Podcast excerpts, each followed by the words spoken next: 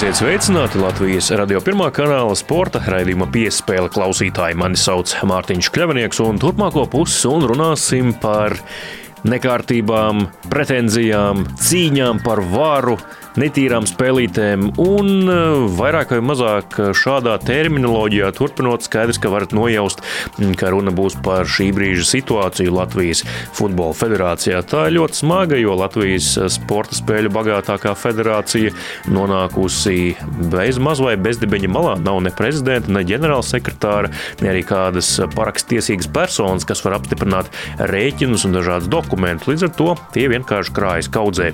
Ne tikai par to, arī par par eh, ļoti labu eh, kāda latviešu sniegumu pasaules čempionātā militāru personām, bet eh, par to visu pēc pavisam īsa brīža.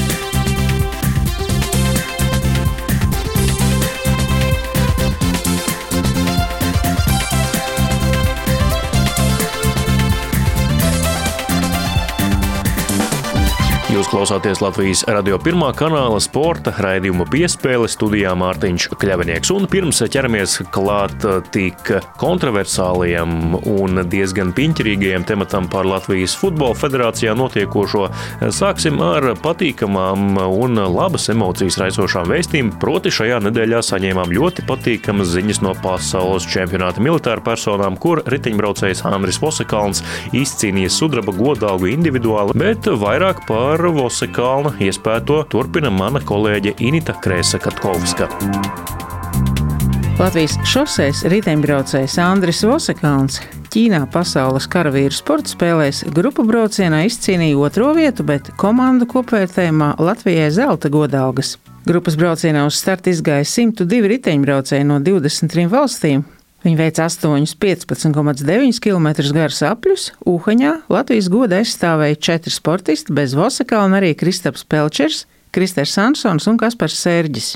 Beigu daļā nelielu pārsvaru ieguva Vācijas riteņbraucējs Patriks Halvers, kurš tad arī tikai par divām sekundēm apsteidz alūksnieti Vosekalnu. 9.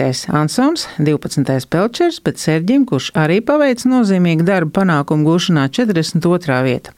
Lūk, ko par sacīkstiem pastāstīja pats Andris Vosekalns. Mēs jau zinājām, trasi jau bijām izpētījuši. Zin, sastāvs jau arī bija zināms. Bija uh, ikdienas mačos, ko mēs braucam, sanāk vienas tās pašas sejas, ja, nu, zināmi sportisti.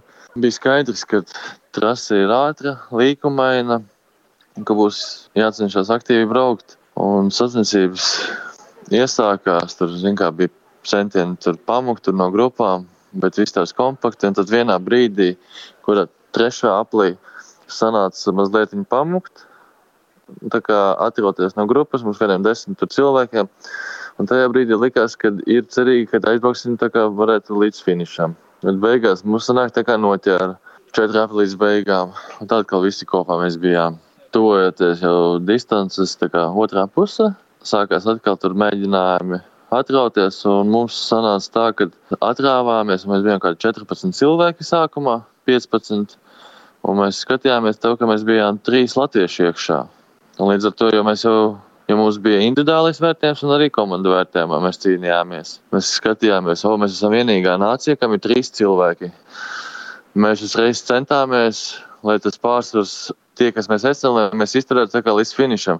Nodomājuši, tad iesim, lai varētu vinēt komandu vērtējumu. Sanāk, tajā atrāvienā es biju Ansons, Kristus un Pelčers. Serģis bija vadošajā grupā. Saganāts tas, ka mēs bijām trīs priekšā un beigās tur pa sekundēm mums tieši viss pietikās, ka mēs varējām vinēt. Bet tā visi komanda, visi labi nobrauca, aktīvi, visi bija noskaņojušies, pēc iespējas labāks rezultāts parādīt. Bija parocīgi tas, ka tā trase bija līkumaina, to, ka viņi mūs tā kā neredzēja. Tas bija tā kā parocīgi, bet mēs jau paši jau to zinājām, kā tur priekšā braucot būs vieglāk. Mēs iegājām pēdējā aplī, Mums parādīja 53 sekundes, tagad, kad mēs atrāvāmies. Aplis bija 16 km. Nu, liekas, tas ir nu, pārsvars pietiekams. Ja tur nebūs nekāda problēma, tad vajadzētu izturēt. Iebraucot pēdējā aplī, viens krievu braucējs aizbrauca projām no mums. Es skatos, nu labi, pārējie tiek apstājas, un es sanāku viņu, mēs kopā sanāk divatā. Un mēs braucam līdz finišam, Zin, tur jau notiek tas viss uz beigām. Mēs kā divi un mēs, mēs abi sastrādājāmies un mēs gājām uz pilnu, lai mēs izturētu. Bet 5 km līdz beigām mums sanāca tas atrāviens, viņi piebrauca klāt pie mums. Atkal sākās tās sacensības, tā kā, tā kā pokers, tāda kā bikstīšanās. Tur mazliet mēs nometām tempu. Un tad es ieraudzīju, ka bija aizmugurē grupa jau tuvojās. Un mēs sapratām, ka, ja grupa mūs noķers, tad mums viss, mēs visi nu, zaudēsim. Tāpēc, kad ir grupas finišs, tad jau redzēs, kā tur būs. Un tad pēdējos pusotrā kilometrā vācietis, viņš mazliet atrāvās no mums, bet viņš mums bija tur, nezinu, 5, 7 sekundes priekšā. Mēs iebraucām pēdējā kilometrā. Tēms es saprotu, ka viņi, nu, mēs nu, nes, nesaķersim viņu. Un tad 600 metru līdz beigām es centos atroties no tiem sekotājiem. Es viņam tuvojos klāt. Pēdējais 300 metros bija līkums. Es viņam pie tā līkuma gan pie paša, paša piebraucu, bet pēc līkuma viņam vēl bija tas spēks, un viņš izturēja. Es jau vairāk biju tā kā tukša reize, jau gāju, lai, lai mani aizmugurē nenoķertu. Tad mums bija tas palika. Viņš man priekšā divas sekundes, un tad tie aizmugurēji man jau arī bija viena sekunde aizmugurē. Viņi man finiša spurtā man saķēra 27 gadus vecais Vosekāns 2014. gadā kļuva par Latvijas čempionu grupas braucienā.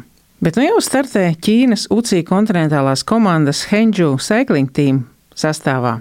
Sacensības Ķīnā raksturīgas ar siltu laiku, kā arī platiem un kvalitatīviem ceļiem, un turpina Andris Osekāns. Ja mēs nezinājām, kā mēs domājam, ko komandu vērtējumā mums vajadzētu būt viss kārtībā, bet tur baigi ilgi kalkulēja viņi kaut ko.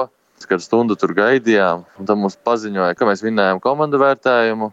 Un tad, jā, vispār bija tas emocijas daudz tas priecīgi visi. Vosakāns apstiprināja, ka šī izcīnītā otrā vieta individuāli ir viņa līdz šim augstākais sasniegums. Ķīnā iepriekš startējis kopš 2012. gada sezonas un regulāri sekmējis komandas sprinteru panākums, kā arī izcēlies ar aktīvu sniegumu pats. Tūra Fudzu velobraucienu posmā Burjāņas par ģimnāzijas absolvents iegūta piekto vietu, un viņš ir desmitais Latvijas riteņbraucējs sezonā, kas pārstāv kādu no citu valstu vienībām. Andris Vosekauns Latvijā būs līdz 5. novembrim, tad dosies atpakaļ uz Ķīnu, lai ar savu komandu startētu sezonas pēdējās nozīmīgajās septiņdienas sacīkstēs Tūra Fudzu. Piespēlē pēc nedēļas riteņbraukšanas tematu turpināsim ar Kristu Nēlandu. Baltijas pirmo numuru pasaules rangā. Mēs smagi strādājām. Mums bija viens mērķis, visiem viens kopējs. Prieks, ka neslūdzām un noticējām sev, ka varam vinnēt. Jūsu radioaparātos skan sporta raidījums piespēle studijā es Mārtiņš Kļavinieks. Nu gan ķeramies pie ragiem jau iepriekš pieminētajiem lielajiem vērsim, kura ragi gan pēdējā laikā ir nedaudz aplausti. Proti Latvijas Futbola Federācija. Pagājušajā nedēļā ārkārtas kongresā Futbola Federācijas biedri nobalsoja par līdzinējā prezidenta Kaspara Gorkša atstādināšanu. Šīs nedēļas pašā sākumā notika divas valdes ārkārtas sēdes, otrā no tām otrdien tika iecelts jaunais vecais ģenerālsekretārs, proti atgriezās Edgars Pukinsks, kurš pirms četriem mēnešiem jūlijā paziņoja, ka pamet darbu federācijā, lai pievērstos ģimenei un veltītu tai vairāk laika. Par valdes ārkārtas lēmumu iecelt Pukinsku ģenerālsekretāra amatā vairāk pastāstīja valdes loceklis un Latvijas Futbola Federācijas pirmais viceprezidents Arturs Zakreševskis. Nu, jā, mums bija darba kārtībā tikai viens bija paredzēts ģenerālsekretāra apstiprināšana. Mums bija izskanējuši vakar bija trīs kandidāti.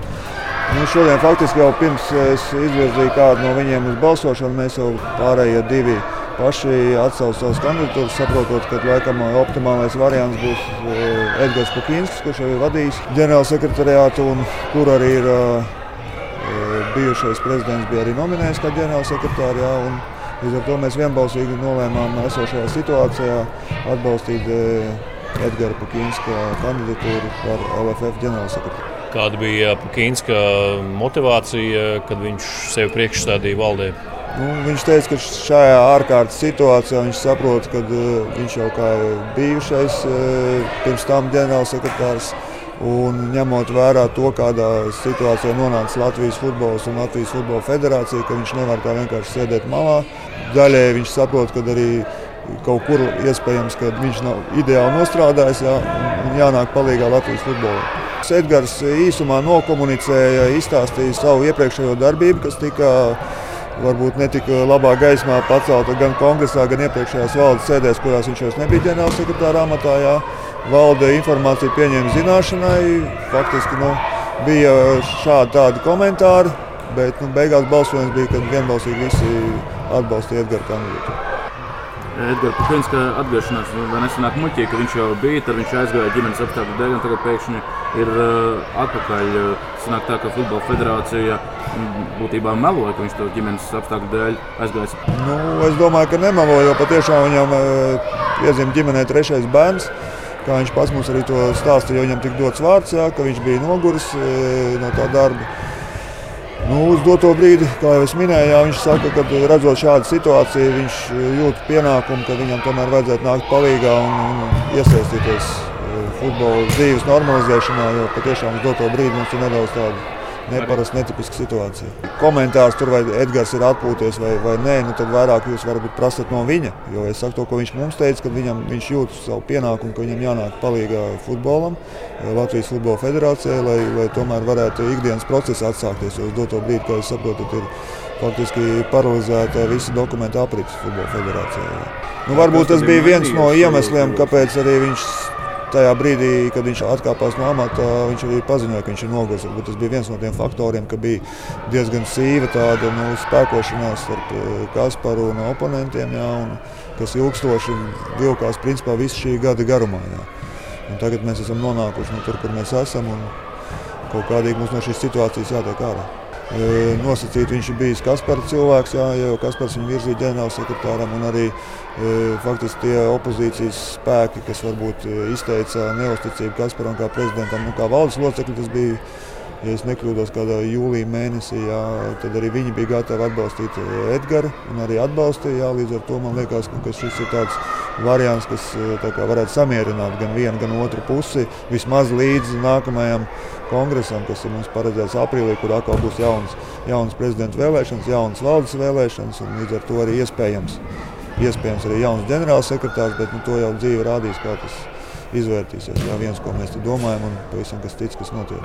Kāda bija tā Edgara ceļa karte, kad viņš uzstājās valdē, vai viņš piedāvāja piesaistīt arī kādus citus cilvēkus, kas viņam varētu palīdzēt šobrīd dzēst šo ugunsgrēku līdz aprīlim? Nē, nekas tāds nebija. Viņš teica, ka viņš ir gatavs strādāt ar tiem, kas ir. Un, ja vajadzēs, viņš stāsies amatā. Ja vajadzēs kādu cilvēku piesaistīt, nu, tad viņš informēs valdi un lūgs mūsu atbalstu.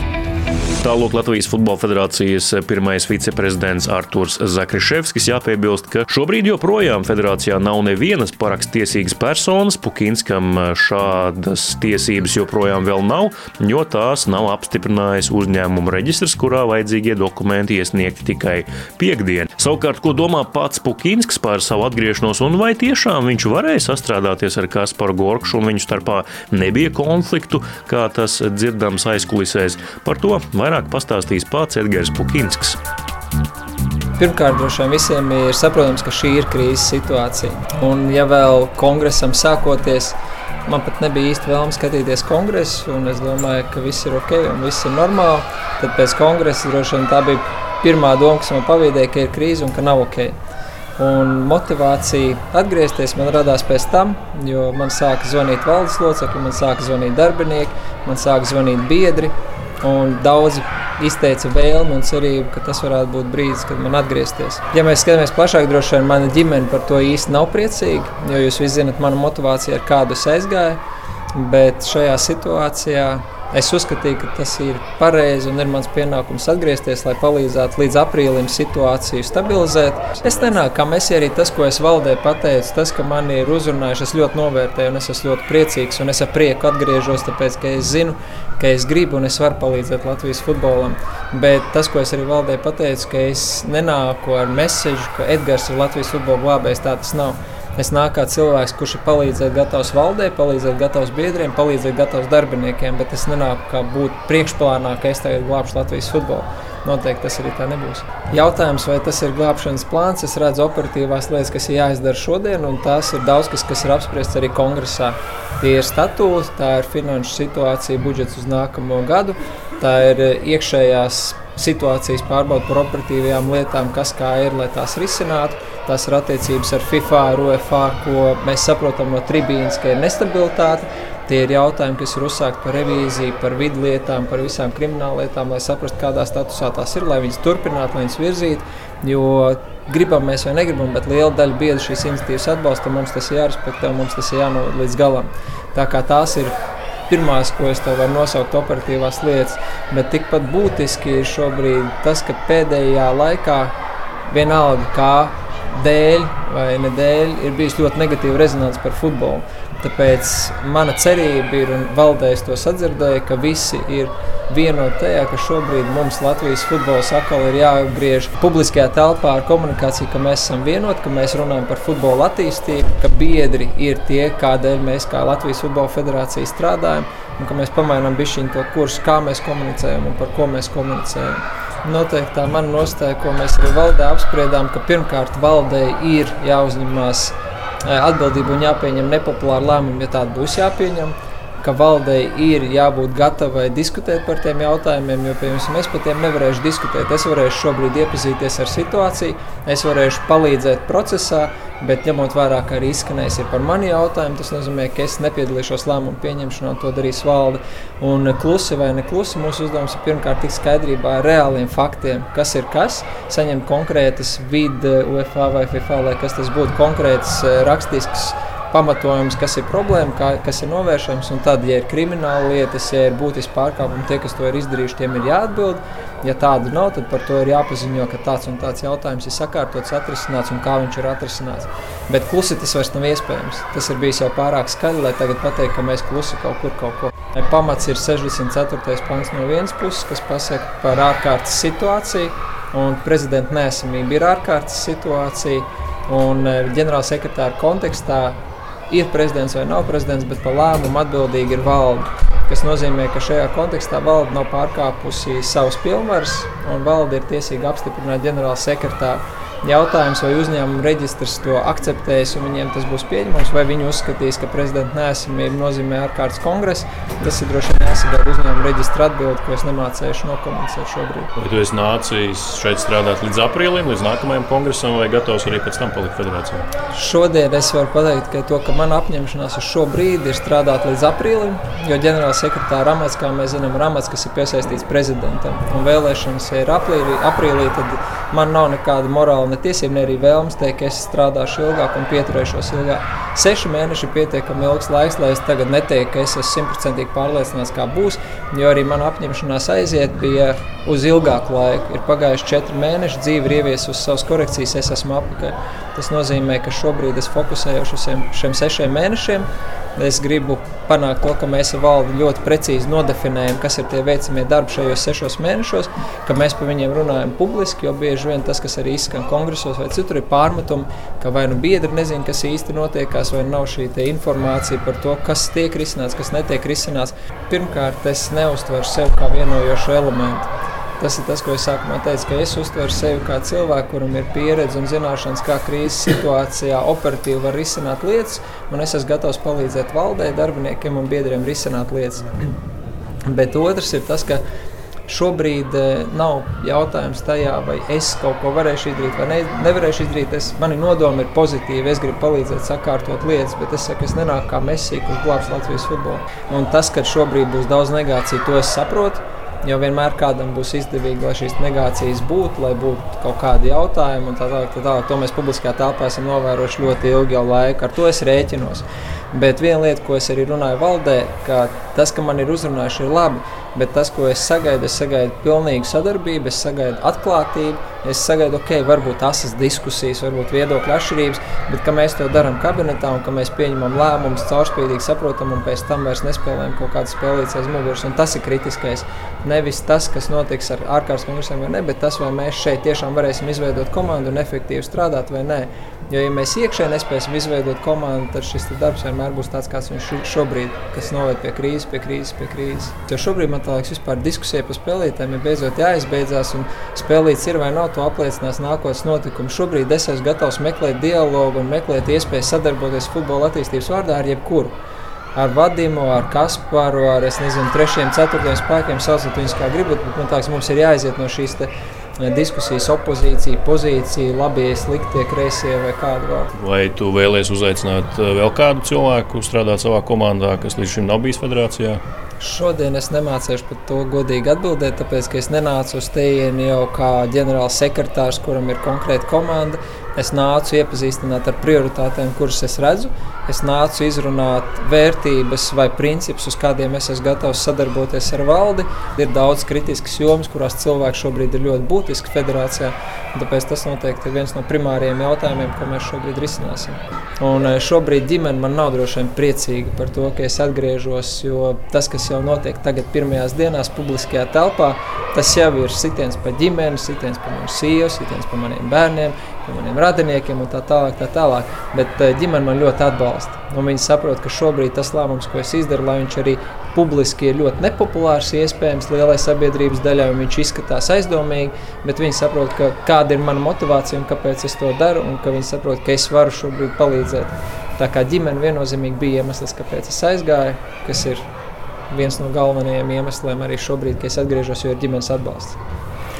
Kongresā izskanēja no dažiem biedriem pārmetumi Kasparam, ka viņš eh, nevienoja futbola sabiedrību kā komandu. Vai tad, kad tu strādāji Kaspara komandā, starp jums abiem bija komanda, vai tomēr tur arī bija sašķeltība un viedokļa atšķirība? Es viedokļa atšķirība ir vienmēr, bet tomēr. Jā, jā. viedokļa atšķirība ir un viņa būs, un viņa būs arī tagad daudz kur. Komanda mums bija, jo bez komandas mēs nevarētu pretendēt kā ģenerālsekretārs un prezidents un nostrādāt gadu, pusotru, cik mēs bijām kopā. Uh, Tas, ka mums viedokļi atšķirās un iespējams mēs dažas, daudzas vai dažas lietas risinātu savādāk, un mūsu redzējums bija savādāks, tas ir ok. Jo katrs no mums skatījās no savas amata pozīcijas, un katram ir sava pieredze, sava prizma, kā mēs uz lietām skatāmies.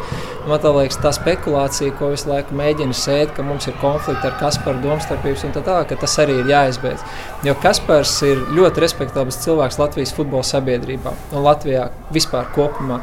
Un ne tikai Latvijā, jo tā pieredze, kas mums bija starptautiskajā starptautiskajās organizācijās arī pierādīja, ka viņi ļoti augstu vērtē un viņi ļoti respektē kā profesionāli, kā futbola sabiedrības pārstāvji. Un tas, ja mēs visu laiku mēģināsim atrast, nu, kaut kam taču tur ir jābūt, kāpēc tā aizgāja, nu nav nekam tur jābūt. Es aizgāju savu motīvu vadīts, Kaspars vadīja un darbojās, kā viņš darbojās savu motīvu vadīts, bet tas, ka viņa nodoma bija attīstīt futbolu, ir viennozīmīgi.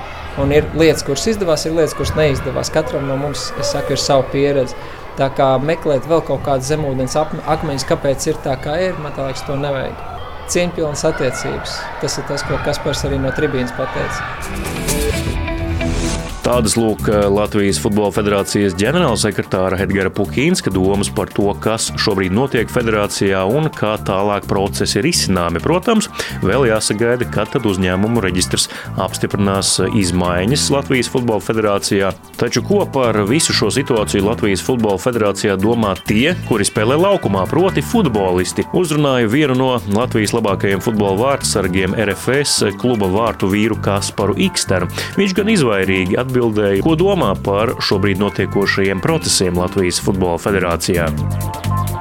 Tas par nu, skaidrs, ka Latvijas kausa šobrīd ir tas, kas tev ir galvā un uz ko tu fokusējies. Vai arī Latvijas virslīga, protams, bet jautāšu tev citu lietu. Tu kā futbolists, kā tu seko līdz tam, kas notiek Latvijas Futbola Federācijā un futbola vidē?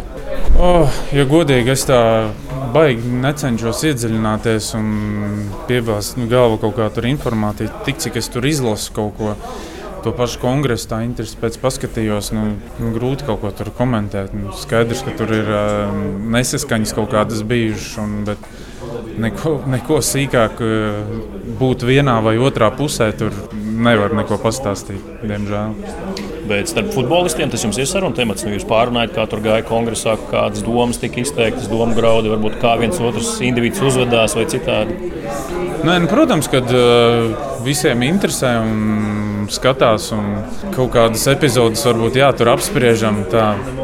Vairāk varbūt joka pēc kaut kur pa kaut ko pasmējamies, ka tur nu, tā un šitā. Bet, nu, tas, tas nav, nav tas tās, tās pamatēmas, par ko mēs varbūt nu, apspriežam. Kas pats uzreiz ielicis no mm, futbola laukuma tajā administratīvajā darbā? Viņš ir bijis arī tavs kolēģis, izlasījās kopā treniņos, bijuši varbūt ne uz laukuma, bet tomēr kā tu redzi to, to viņa pusotru gadu? Nu, tas bija laikam jau kā iet kara laukā un stāties pretī lodēm. Jo nu, no turienes nost viņi dabūt gribēja visu laiku. Nu, Zini, kā ir nevienmēr varbūt, nu, tā sanāk, ka, mm, ja tu biji kādreiz labs uh, futbolists, uh, nevienmēr viņiem pēc tam izdodas kļūt par labiem treneriem vai tur tajā pašā laikā varbūt kaut kādiem vadītājiem. Bet, Bet man grūti spriest, es neesmu strādājis ar Kasparu nu, federācijā, kā, nu, viņš ir prezidents, bet kad viņš bija futbolists, viņš bija nu, tāds, nu, tāds paraugs, kādam vajadzētu būt varbūt tam profesionālam futbolistam un rādīja piemēru. Tāpēc pateikt, ka viņš bija slikts eh,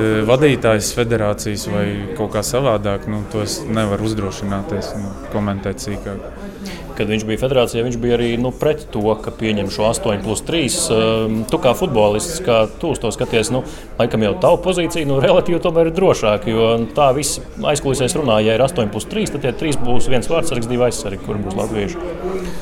Nu, kā tekošais futbolists, nu, es tur neiedziļināšos. Protams, man ir savs viedoklis, bet to es droši vien pagaidām paturēšu pie sevis. Un, un neizplūdīšu tur plašāk kā. Nu, ir vadītāji, kas izlemj un, un uh, pieņem tos likumus. Un, ja viņi tā ir pieņēmuši, tā, tad tā ir labāk Latvijas futbolam, tāpēc es tur neiešu kaut ko sīkāk komentēt.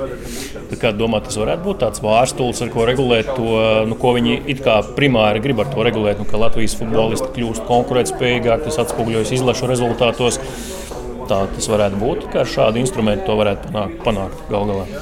Nu, ja viņi pieņem tādu likumu, viņi sniedz arī komentāru un, un pamatojumu tam visam. Nu, tā tad, tā tad viņi uzskata, ka tas palīdzēs, un tad jau laiks tikai radīs. Tad jau redzēsim.